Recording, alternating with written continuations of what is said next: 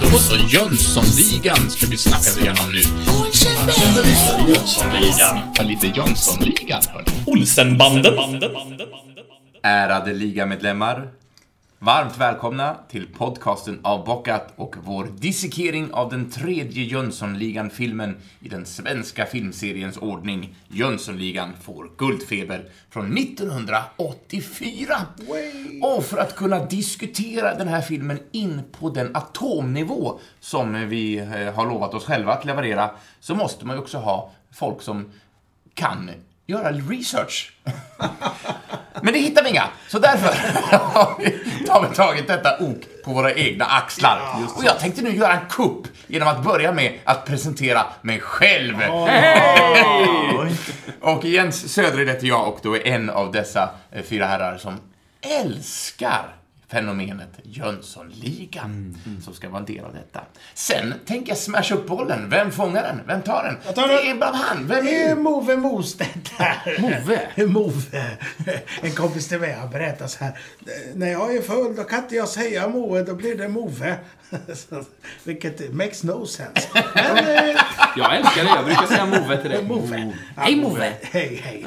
Eh, jag är här. Det är trevligt. Det är skojigt också att jag har Limpan här, Strumpan. Ja. Eh, Linus Ja, Lundin. det är Limpan Strumpan? Limpan Strumpan. Det är lysande att vi är här. Ja, det är Ja. gott att se ditt, ditt, ditt vita smile i... Det gula efter allt kaffe. Ja, tänderna bara Snarare lyser. gulbrun. Ja, nu förstår ni hur svårt det är att göra Ja, det öppningarna går, till de här. går Och sen du som satt där med en låtsaskikare. Eh, Jo, Ja, vad var Henrik för- Jonskär, vad gjorde du?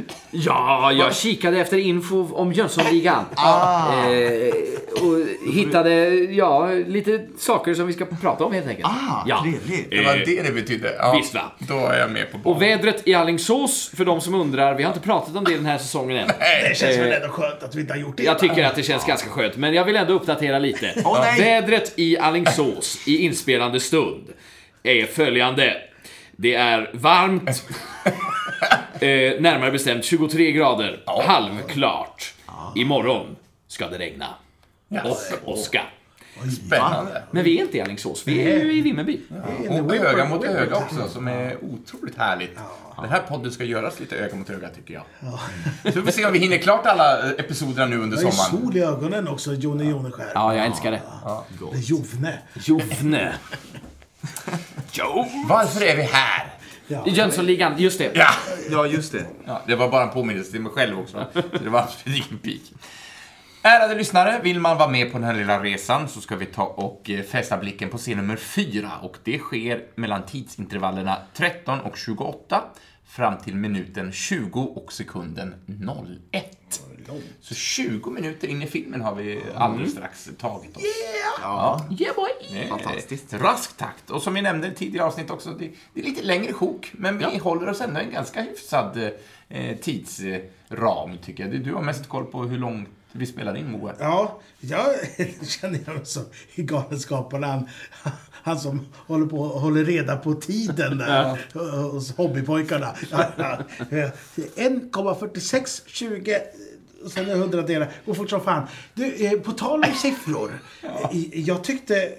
För jag har inte så mycket, jag har prylar och lite sånt där idag. Och så tänkte jag, jag ska hålla reda på, för det är himla massa siffror i det här avsnittet. Så tänkte jag att jag skulle forska i någon numerologi eller någonting. Men sen orkar jag inte. Nej, Men eh, jag kan säga det, det är oerhört tätt eh, med siffror. Ja. Ja. Ja.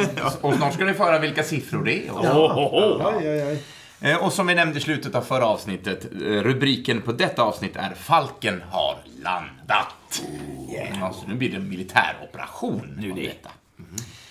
Eh, och som sagt var, jag har fått äran att sköta storyn. Så att jag kastar mig ut i detta och ni i vanlig ordning avbryter när ni tycker att nu vill jag prata en stund. Så gör vi då. Sen får ni, Gert, får ni, om det kan vara om något intressant eller eh, inte. Vi får se. Ja. Skojar ju, det är alltid intressant såklart.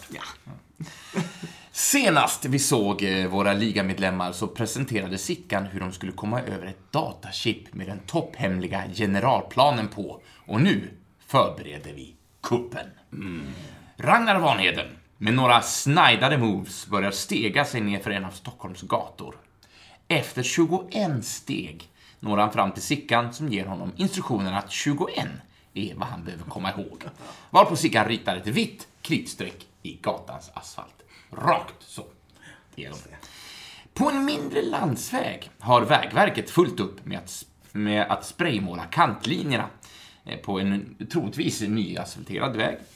Och en person med ett relativt tråkigt eh, arbetsbeskrivning går bak efter en bil och placerar ut vägstrutar efter en mycket långsamt gående bil. En bit längre bak på samma vägsträcka ser vi denna Pajala åkandes med Sickan hängandes ut genom sidrutan. Sa du Pajala? Så, ja, det sa jag. Jag har skrivit det senare. Vad är, vad är det han åker i? Ja, en norrländsk Pajala. Jag ser nu att jag har skrivit, jag har inte så uppmärksammat det. Roligt ju. Vad, vad heter bilen? Impala. Impala. Chevrolet Impala. Chevrolet. 64. Chevrolet De har, de har såna i Pajala. Ja, det har de. Ja, det har det de. har du. Glider runt. Alla raggare. Så vill de ha. Låt mig återgå till Ja, ja. I denna bil och ser vi Sickan hängandes ut genom sidrutan och en efter en plocka upp de nyligen utsatta vägstrutarna och hivas då in i bilen som jag tror då är Harry som sitter i baksätet och tar emot dem. försökte jag ju hitta vägstrutar eftersom jag hade prylar. Det, fanns ingen förklaring. Det, var, det är ju vägstrutar. Det är kon, Ja, koner. liksom. Varför kallar de det vägstrutar? Det har jag aldrig hört. Det är väldigt roligt ord. Ja. 26 vägstrutar. 26 vägstrutar. Eh, Vi fortsätter i detta planeringsmontage där Vanheden får traska längs en av huvudstadens kajkanter med en motordriven vält. Just det, och nu har jag vägvält här Mm. mitt område. Jag, jag tänkte så här, eh, vad är en vägvält? Undrar folk. En Eller väg du vet ju vält? Linus, för du har ju sån ordning på Ja, fordon och ja, ja, ja, ja. Ja, ja, ja, ja. Eh, En vägvält, Jens, det är Ja. en vält. Som har vägt sig? Nej. Ja, ungefär. Det är äldre namn på trumla eller ångvält. Anläggningsmaskin som används för att komprimera och jämna ut vägbanor. Ja, Det ja. förstod man ju. Men, jag trodde vi... ja. Och på den så stod det, eh, nu ska vi se, det stod, eh, Det var ingen pajare i alla fall. jag tror det stod 25 eller något va? 03, ja något sånt. Ett stort nummer i varje fall. Ja, just det. På vägvältet? Ja. Jaha. Jag kan ju lägga till här om vägkon eller trafikkon då. Bara eh, vad de används för. Det är ju för att spärra av området. Spärra bron helt enkelt. Tack för mig. Tack. Ja, vi får se hur informationsflödet blir i det här avsnittet. Ja, det verkar som att vi... Det blir hattigt. Ja. ja, det kommer mer saker. Ja, det ja, kommer ja, mer saker. I alla fall, medan Vanheden då strutsar runt eh, fram längs den här kajkanten, är det någon som har koll på var i Stockholm vi är förresten? Det är mitt emot, eh, man ser ju Stockholms slott där bak, tror jag. på är väl Djurgården på andra sidan. Ja, antingen det eller runt Strandvägen där typ. Ja. Djurgården. Djurgården. Djurgården. Ja, visst är det slott. Djurgården. Men med allt medans eh, Ragnar Vanheden då eh, framdriver detta eh, fordon så klockas han av Sickan och en mycket punktlig Harry eh, frågar efteråt Vad blev det? Sickan svarar 10 och Harry replikerar med lika frågande tonfall som innan 10? Han är väldigt förvånad i den här Ja. filmen kring det mesta faktiskt. Det känns inte som han vet vad det betyder. Nej, nej. Eller, Chip? 10? ja, ja, nötter. Ja.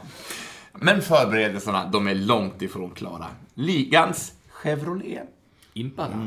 Pajala. Han glider upp eh, utanför gissningsvis ett av Sveriges regementen i Stockholm. Det var bara gissning, jag har inte kollat upp detta.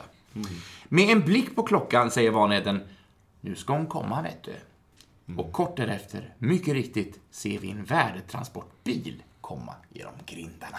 Då ska jag berätta om den här bilen. Äntligen, det var ju en cliffhanger från förra avsnittet. Ja, precis. Och nu kommer den! Och det var inte helt lätt. Jag, det var svårt att hitta vad det var för bil från början. Men eh, jag hittade ett klipp, kunde pausa och zooma in. Så hann jag se vad det var för ett märke. Och det här är ju då en Jeep Och jag trodde att det här var någonting specialbyggt för filmen, men den här har då funnits på riktigt eh, som militärfordon. Men den här eh, jeepen, eh, just den i filmen, kallas för Jeep J20. Och den är då byggd på en Jeep Gladiator från början, i grunden då. Som senare döptes om till Jeep Pickup. Och även den, alltså den är ju en full, fullstorleks pickup. Som även den är baserad på en annan bil som kallas för Jeep Wagoneer, eller hur det nu uttalas. Ja, precis. Och eh, som byggdes och såldes under många år, eller under många bilmärken då. Jag vet inte vad de menar med det, men under åren 62 till 1988 då. Eh, och an- anmärkningsvärt för eh, Jeep Gladiator, det var att den var eh, under produktion under hela 26 år med endast mindre mekaniska ändringar. Så det var väldigt länge. Men just den här bilen i filmen, det är ju en Jeep J20 och det tillverkades totalt 450 stycken. Oj, Eller det var så många som anskaffades till, till Sverige 1981 till flygvapnets eh, bataljoner av typ basbataljon 85. Oh. Ja, vet vad det Det är betyder? siffror. Nej du. Ja, mycket siffror är det. Och, ehm, 21 där det står på den där. ja, och de är till och med skräddarsydda för flygbaserna av typ bas 90. Ännu mer siffror. Håll koll på det. Men det var ju eh, 90, det hette ju alla de här, eh, så, till och med kostymerna tänkte jag säga som jag hade när jag gjorde lumpen. hette M90. 90. Just det. 90, ja. Ja, Ja, Stridspitt 90. just det. ja. Men just de- här bilarna, de användes av klargöringsstropparna. Och det är någonting då på flygplatsen här för, för per- persontransporter och för att dra släpvagnar med klargöringsmaterial. Ja. Med hjälp... Troppar, inte stroppar alltså. Ja, nej, tropp, troppar. Klar... Klargöringsstroppar. Troppar, exakt. Det är inte Riktiga jävla stroppar som står i vägkanten. En sjuk sköterska. Ja, exakt. Och med hjälp av dragkrok i fronten så kunde bilarna användas för att eh, rangera flygplan. Eh, Men sen tog det här fordonet ur tjänst runt 2006. Och eh, flertalet fordon förrådställdes. Men de, de togs åter i tjänst 2016. Jaha, så de jaha, finns ja. kvar. Men, och åren 2020 till i år, 2022, eh, så det pågår väl, så ersattes fordonen av en eh, terrängbil 15 heter den bara, eh, som klargöringsfordon i flygvapnet. Och den här bilen, eh, just den här jeepen kallas för Dallas Jeep. Eh, Såg jag på Försvarsmaktens hemsida. Jaha, ja. Det är smeknamn. Ja, du får ta Dallas jeepet så. Ja, Ah, Dallas. Jeep här. Det är lysande. Ja, så där fick ni lite information om det. Underbart. Vad trevligt. Och vet du vad Sickan replikerar på det? Nej, Ja, det eh, det borde jag veta. Ja. Vilken skönhet. Ja. Ah. Det kallar jag en äkta Frans Jäger-konstruktion. Ja, just det. Elektroniskt säkerhetssystem, pansarplåt, skottsäkra glas. Du Sickan, det här kommer aldrig att gå vet du. Nej, inte för Wallenberg, replikerar Sickan. Vi går in i förberedelsernas sista delmoment när vi ser hur vanligheten snålringer från en telefonkiosk. Alltså han har någon slags pinne som han stoppar ner i myntinkastet där för att lura telefonen. Just det. Och eh, där är det så här att jag försökte ju se vad det stod för nummer där på, på lappen. Gick inte att läsa av riktigt. Ehm, Jo. Ja, det- 0110 slutar ja det på. så det. Och sen såg det ut som 17 nästa ruta man gjorde. Jag tyckte det var jätteknepigt. Ja. Och sen så slår han ju ändå inte det numret med sin penna. Han slår väldigt fort bara. Han slår random från typ runt sjuan, åttan där flera gånger. Så att han ringer, det, det, det är en bra fråga. Eh, men då tänkte jag prata lite om telefonkiosker. Ja. Ah, Eh, telefonkiosk, liten kur, ett väderskydd med telefonautomat i. Oftast eh, fanns de på torg eller allmän plats. Telefonkiosker började dyka upp i slutet av 1800-talet. Och det var då i, från början i postkontor där, eh, där kunderna kunde nyttja telefon helt enkelt. Det var först i London 1903 som en riktig telefonkiosk som vi tänker på det dök upp. I Storbritannien lanserades klassikern Red Telephone Box av General Post Office 1924. Och det är ju de, som, de liknar ju de som vi hade, de här snygga kon-aktiga. Ja, en sån har jag stått i. Ja. I barndom. Vem har inte det? Det är ett måste. ja. Designerna har ju förändrats genom åren. Eh, Först hade vi den klassiska engelska då. eh, Men sen på 60-talet lanserades en ny modern eh, kantig variant. Med, eh, med, med glasytor. Och i Sverige hade vi ju Televerkets orangefärgade variant som är den som vi är vana vid. Liksom. Eh, På 1980-talet fanns det 44 000 telefonkiosker i landet. Oh. 2010 fanns det 2700 kvar. Och 2015 togs den sista telefonautomaten ut ur bruk i Uppsala den 3 december. Ja. Ja, det är en Det är en svunnen ja, svunnen Ja. tid, ja. Precis. Hur- hur- Är ni uppvuxna? Har ni pratat mycket i telefonautomater? Nej, men man har ju sett dem Ja. hela tiden. Ja. jag, jag, aldrig, jag tror, tror jag aldrig har använt den. Du då? Ja, ja.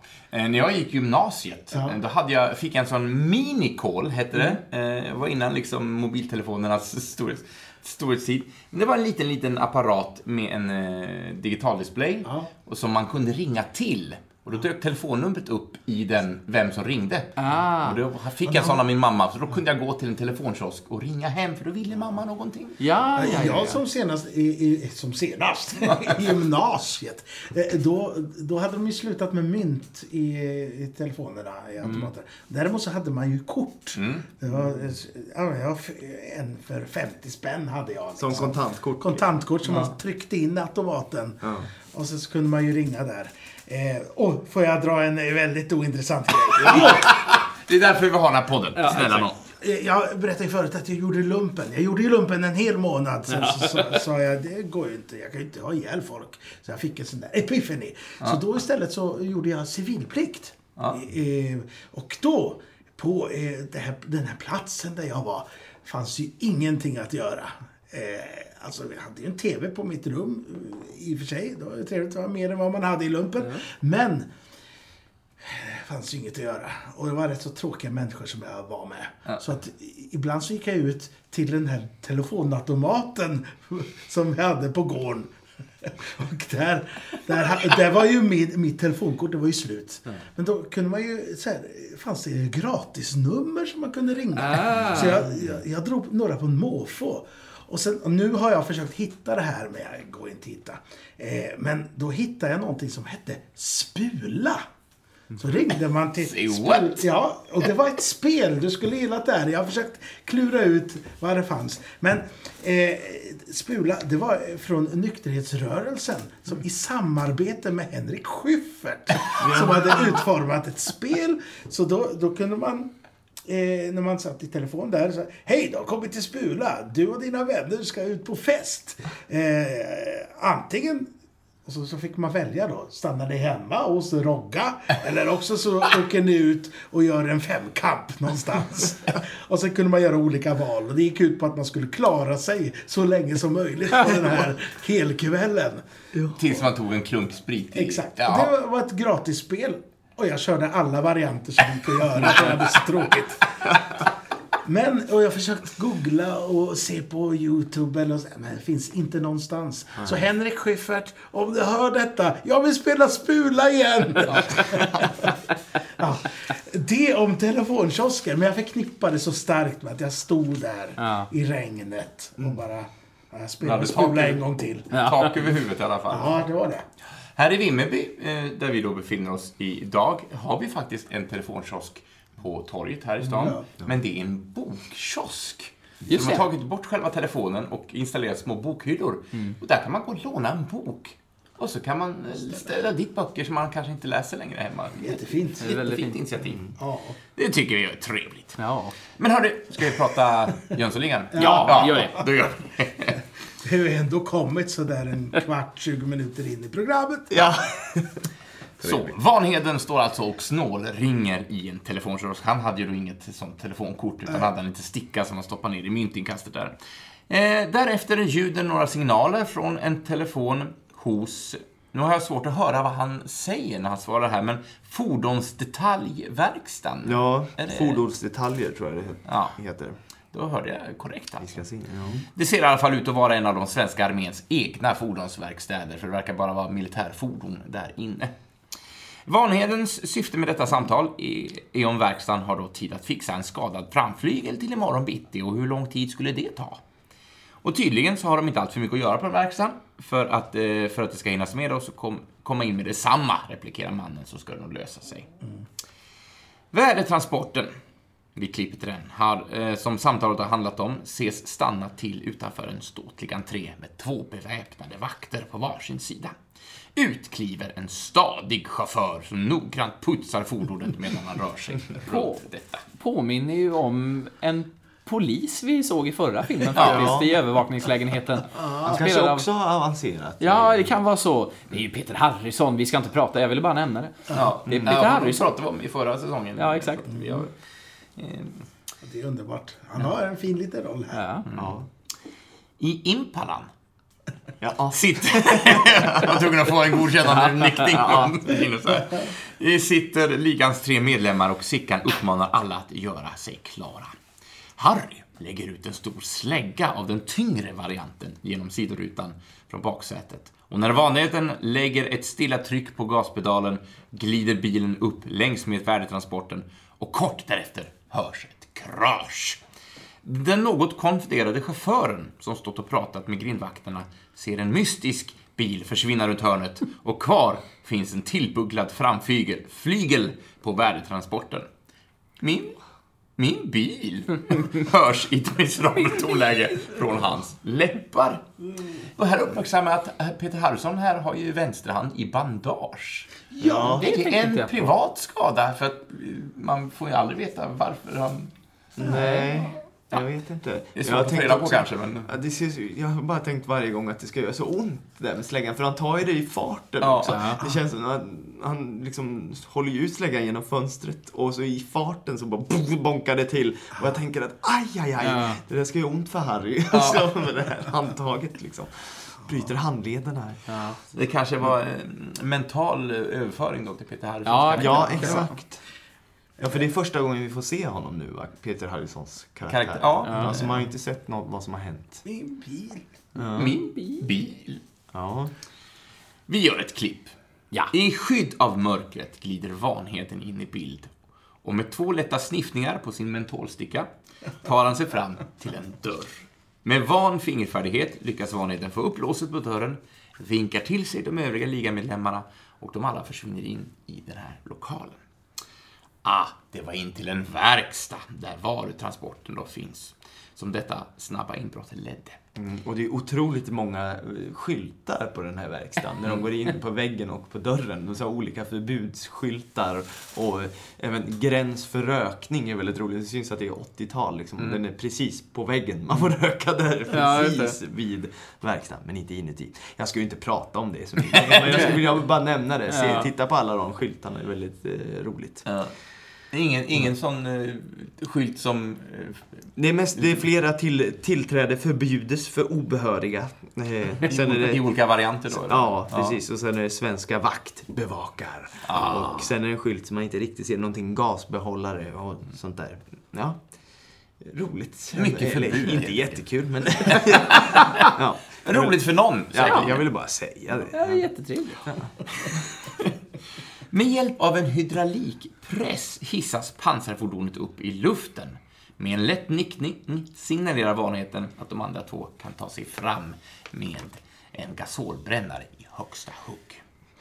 Och eftersom det här är en Jönssonligan-film så snubblas det lite på de här fyra metrarna golv de färdas över, Ja. såklart. Sickan ska precis peka ut var de ska skära ut ett hål i bilens underrede när han har en, iv när en ivrig Harry tänder skärbrännaren och ger Sickan en mindre hjärtattack. Ah.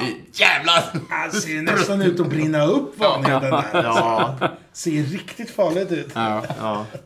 Det, menar- det är några stunder i den här filmen där man undrar, är det stuntmän eller vad- är det risk till Ja, det- man ser ju det när det börjar brinna här. Eller nämnde du det, att det börjar brinna? Ja, det- det i- det kommer- det Ja, kommer. ja, ja, ja.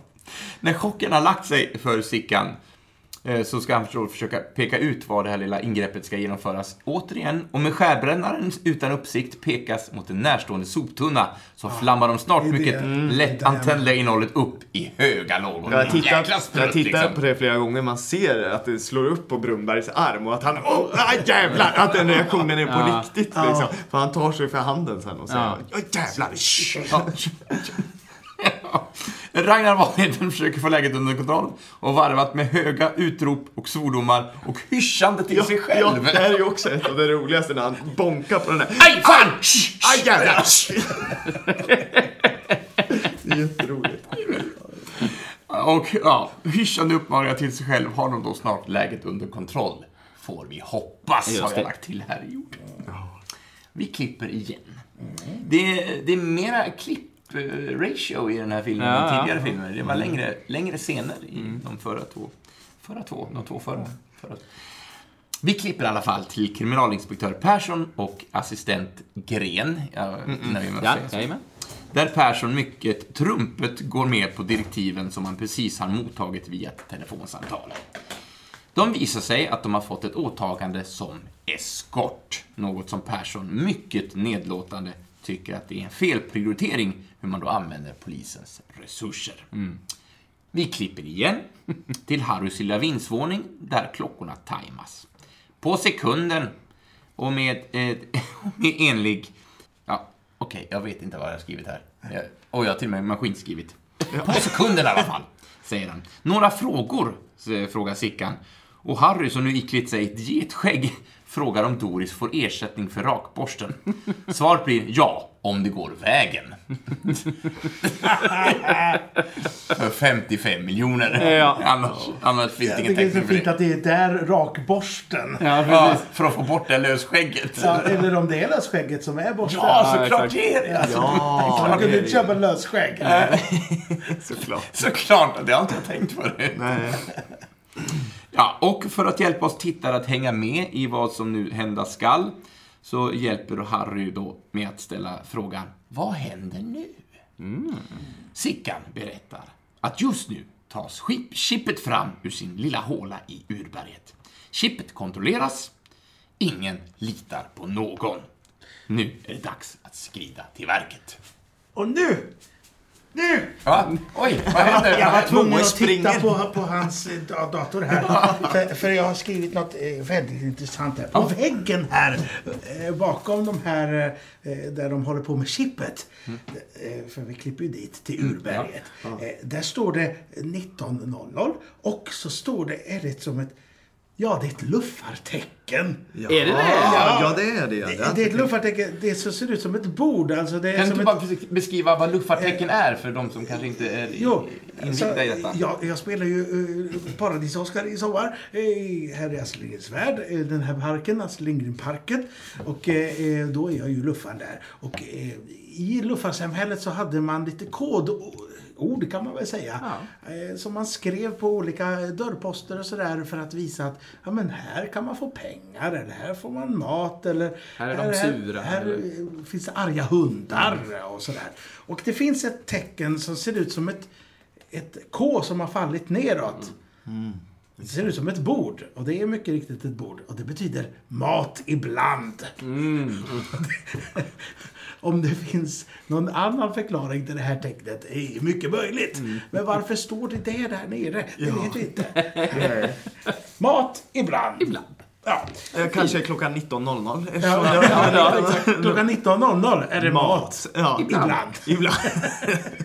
Ja, väldigt eh, mycket information där om lite verkstad. Ja, Men fint. Ja. jag tyckte det är spännande. Ja. Men om ni vet vad ett nedvänt K betyder eh, i, i militära sammanhang så kan ni ju säga till. något sätt. Ja, gärna det. Eller så är det bara ett luffartecken. Ja, Ja. det är någon luffare som var där nere. Ja. Tack för mig. Vi hoppar till Persson och Gren som står redo att... Vad hette han sa du? Nej, jo. Persson. Persson och... Gren. Nej. Nej. Icke Holm, icke Gren.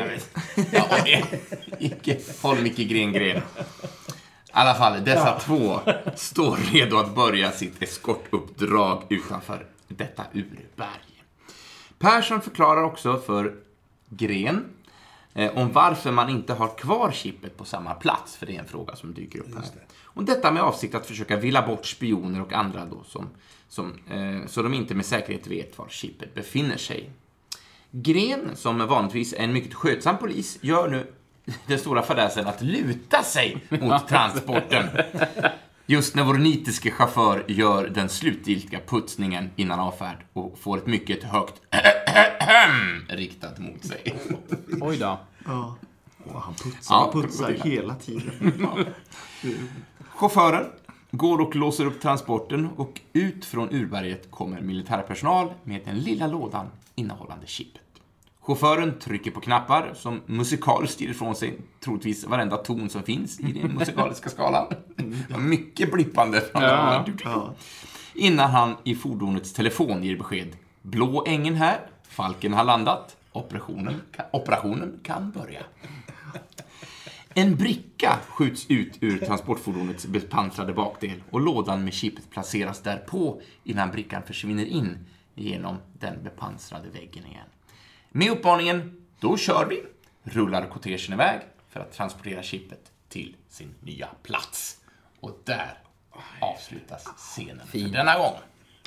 Gud vad fint. Blå ängen. Falken alla. Ja. Ja. Aj, underbart. Jag eh, har inte pratat så mycket annat än verkligen trams eh, hittills, men jag tänkte prata lite nu. Om Blå ängen? Eh, nej, inte om Blå ängen. Jag ska prata om en eh, medarbetare i filmen, eh, nämligen Tove Hellbom, som i den här filmen var attributör. Eh, och då tänkte jag först bara klargöra, vad är egentligen en attributör? Ja. Jo, det är personen som förser skådespelarna med nödvändiga attiraljer eller rekvisita. Eh, och attributören har sedan ansvar för den här rekvisitan under teaterföreställningarna eller eh, filminspelningen. Eh, man ansvarar för att lägga föremålen på plats där de ska vara, man sköter underhållet och så vidare. Och vid till exempel inspelning av tv-program eller film så ser man också till att samma rekvisita används från tagning till tagning. Så att, ja, så att det inte blir klafffel och sånt där helt enkelt. Ehm, Så förtydligandet, en attri att- attributör, attributör eh, tillhandahåller sakerna medan en, en Attributmakare. makare gör sakerna rent Precis. fysiskt från grunden. Precis. Sen finns det ju någonting som också kallas för rekvisitör. Ja. Eh, och eh, här står det då att gränsen mellan attributör och rekvisitör är flytande och ibland sköts uppgiften av samma person. Men rek eh, rekvisitör och attributmakare är allt som oftast nu ska jag inte trampa någon eh, på foten, det är någon som kanske anser att det är väldigt stor skillnad. Eh, men jag skulle säga att det är ungefär samma sak, alltså rekvisitör och attributmakare. En rekvisitör ansvarar också för att ibland skapa rekvisitan. Eller köpa in och sådär. Men som sagt, en attributör är den som har ansvar under själva inspelningen. Men kan också vara den som faktiskt har skapat eller köpt och sådär. Jag, jag trodde skillnaden låg i att en tillverkar saken från scratch och en köper in saken. Ja, men precis. Eh, Men som sagt var, det, Det kan vara lite, rätt fly- flytande. kan vara lite flytande. Men som sagt, eh, om det är någon som lyssnar som känner att nu hånar du mitt arbete, det var inte meningen. Vi Eh, har ju faktiskt sådana människor på vårt jobb här Ja. och nu som har de här titlarna. Vi kanske kan fråga dem. Ja, men precis. Ja. För ett klargörande. Men Tove Hellbom var det jag skulle prata om. Hon är ju då alltså attributör i den här filmen. Eh, inte jättemycket info om henne, eh, men hon föddes den 4 oktober 1958 i Hässelby, Stockholm. Idag verksam som översättare. Hon har ganska många strängar på sin lyra hon med. Eh, som barn var hon skådespelare i de två första filmerna om barnen i Bullerbyn. Är hon släkt med Olle Hellbom? Ah, du kommer till det. Jag kommer till det. Eh, bara i, redan i nästa mening faktiskt. Jaha, oj de två första Bullerby-filmerna, alltså de från 60-talet, som är regisserade av hennes far, Ole Hellbom. Far, ja, ja. Eh, där spelade hon rollen som Kerstin. Hennes mamma, eh, Birgit Hellbom, var vittnespsykolog. Det vill jag tydligen ha med för att det lät spännande. Men det ska vi inte prata mer om nu. Toves tid som attributör, rekvisitör och scenograf. Hon har som sagt många strängar på sin lyra. Den var inte så långlivad, men ändå mellan 1979 och 1988. 1988. Med, Rollen som Kerstin, bara hjälp mig att... Sestin, Det, det är en pytteliten. ja, det är den, den, den minsta minstingen av alla. Vi Det, håller på- alla håller på tummen pekfingret. 10, 10 centimeter. och det är alltså de, den, Sestin. de första filmatiseringarna. Sen gjordes ju Ja, precis. Som nyinspelning. inte har något riktigt ljud. Utan det är Nej. Nej, precis. Precis. Ja. Ja. Ingen riktig bild eller? det var bara en konst. svartvitt konstigt. Hennes filmografi inkluderar utöver Jönssonligan till exempel eh, Madicken från 79, eh, Bröderna Lejonhjärta 77, Tuppen 1981 och Mitt liv som hund från 1985. Eh, och sen så några till, men det går vi inte in på nu. Det var det lilla om attributör och Tove Hellbom. Vad härligt. Visst va? Ja. Jag tycker det är härligt att vi lyfter fram de här människorna som Ja. oftast in, ingen vet om att de har slitit och jobbat eh, jobbat som fan. Bra ordval där. Ja.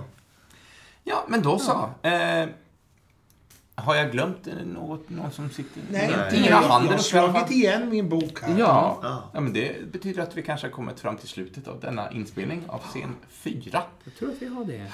Då blickar vi framåt mot scen nummer 5. Och för att hänga med så är det fram till minuten 20 och sekunden 01. Och sen tittar vi fram till 27 och 24. Pumpa på här, Gren. Eh, Det var den rubriken. Jag älskar det här. Ska jag göra en liten teaser? Jag kollar på dina papper här. Ja. Vi kanske kommer få veta mer om monokel nästa gång. Är det så? Spännande. Kan vara så. Vi får väl se, vi får väl se. Ja, eh, Ja, det är kanske bara en... eh, Mm. eller så bara felstavat. Ja.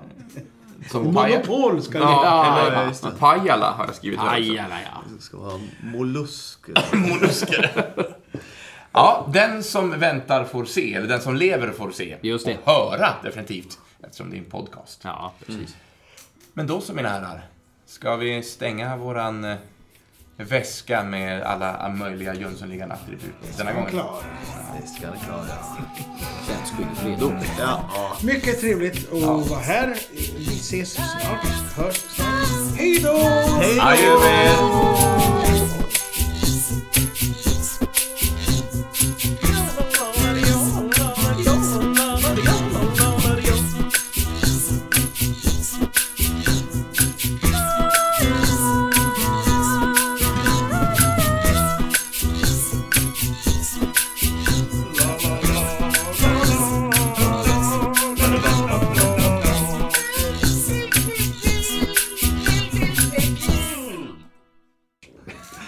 Vinkar du till micken? Ja, lite. Ja.